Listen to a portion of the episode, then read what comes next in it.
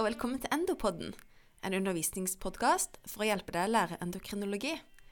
Jeg heter Åse Bjorvatn Sævik og er her for å lose deg gjennom dagens tema, primær hypotyreose. I denne episoden skal vi dekke hva hypotyreose er, hvor vanlig det er, typiske symptomer og funn, og hvordan hypotyreose diagnostiseres.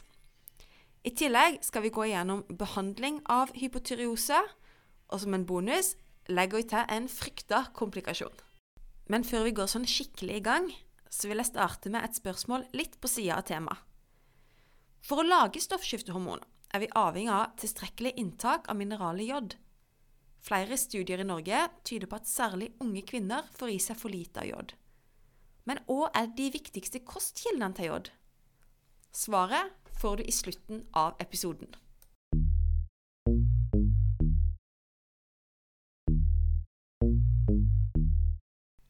Og nå, kjære lyttere, nå begynner vi.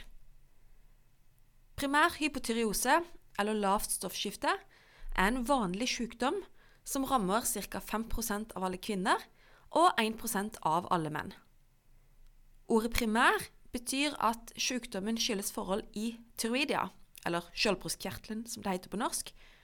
Og det er altså tyroidia sjøl som ikke evner å produsere tilstrekkelig mengde stoffskiftehormon, altså T3 og T4. Den aller vanligste årsaka er autoimmunitet. Og med autoimmunitet så mener vi at immunforsvaret går til angrep på og ødelegger tyroidia. Dersom det er autoimmunitet som er årsaka, kaller vi det Hashimotos tyroiditt. Men det er andre ting òg som kan gi lavt stoffskifte. Det kan være kirurgi som har gjort skade på kjertelen. Det kan være medikamenter, det kan være stråling, eller, som vi nevnte litt innledningsvis, mangel på jod. Så finnes det òg et par årsaker som kan gi forbigående hypotyreose, som f.eks. etter en fødsel. Hormonene fra skjoldbruskkjertelen påvirker omtrent alle metabolske prosesser i kroppen, og ved hypotyreose er det som om alt stopper litt opp. I starten av sykdomsforløpet så kan symptomene gjerne være vage og diffuse, og det kan være vanskelig å oppdage. Men etter hvert som sykdommen eh, fortsetter, så blir symptomene mer og mer uttalt. Pasienter kan fortelle at de kjenner på trøtthet eller er utmatta. De går gjerne opp i vekt og kjenner seg stadig kalde. En kan bli mye oppstipert, og kvinner kan få menstruasjonsforstyrrelser. Så oppsummert er kroppen i sparemodus. Og når du undersøker pasienten, så er det mulig å finne lavere puls, tørrere hud og tynnere hår enn det pasienten normalt har. Og så er det ca. halvparten av pasientene som òg utvikler struma. For å få svar på om pasienten faktisk har hypotyreose, så må en ta blodprøver. Og det er to blodprøver som rekvireres i første omgang. Det er TSH og fritt T4. Og ettersom eh, symptomene på hypotyreose er såpass diffuse og vage, særlig i starten, så kan en godt ha ganske lav terskel for å ta disse blodprøvene ved uklare symptomer. TSH står for tyroidia-stimulerende hormon og vil være økt ved primær hypotyreose, mens fritt T4 vil være lavt. Når diagnosen er stilt, så kan man rekvirere anti-TPO. Og dersom den er positiv, så betyr det at det er autoimmunitet som er årsaka. Behandlinga er ganske enkel i prinsippet, for det innebærer å tilføre de hormonene som mangler, altså stoffskiftehormonene. Virkestoffet som typisk brukes, er levotyroksin, men det er jo bedre kjent under salgsnavnet Levaksin. Og så var det jo dette at enkelte tilfeller av hypotyreose, som f.eks. etter en fødsel eller etter en infeksjon, så kan det gå over seg sjøl, og da er det jo selvfølgelig ikke nødvendig å behandle medikamentelt. Men hvordan skal man egentlig vite hvor mye eller vaksinen man skal gi?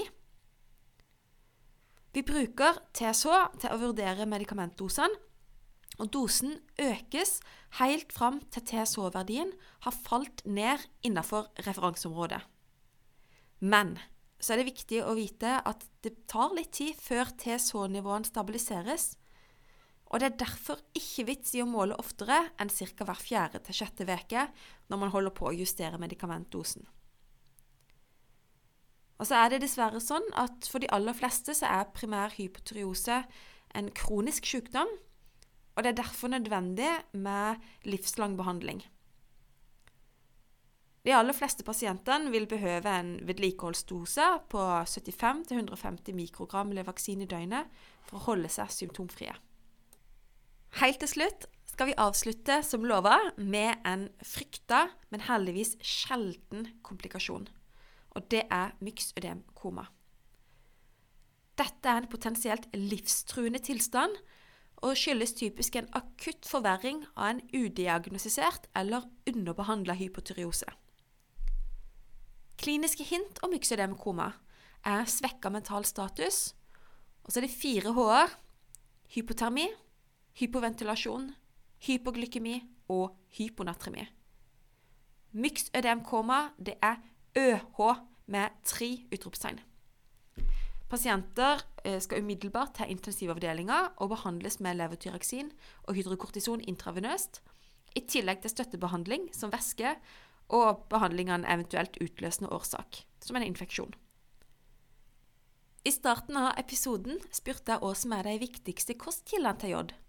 Svaret det er melk og hvit fisk. Det var alt for i dag. Har du spørsmål, ønsker til tema eller ris eller ros, så fyr løs på Facebook-sida vår, eller send oss en e-post til endopodden krøllalfa uib.no. Vi høres!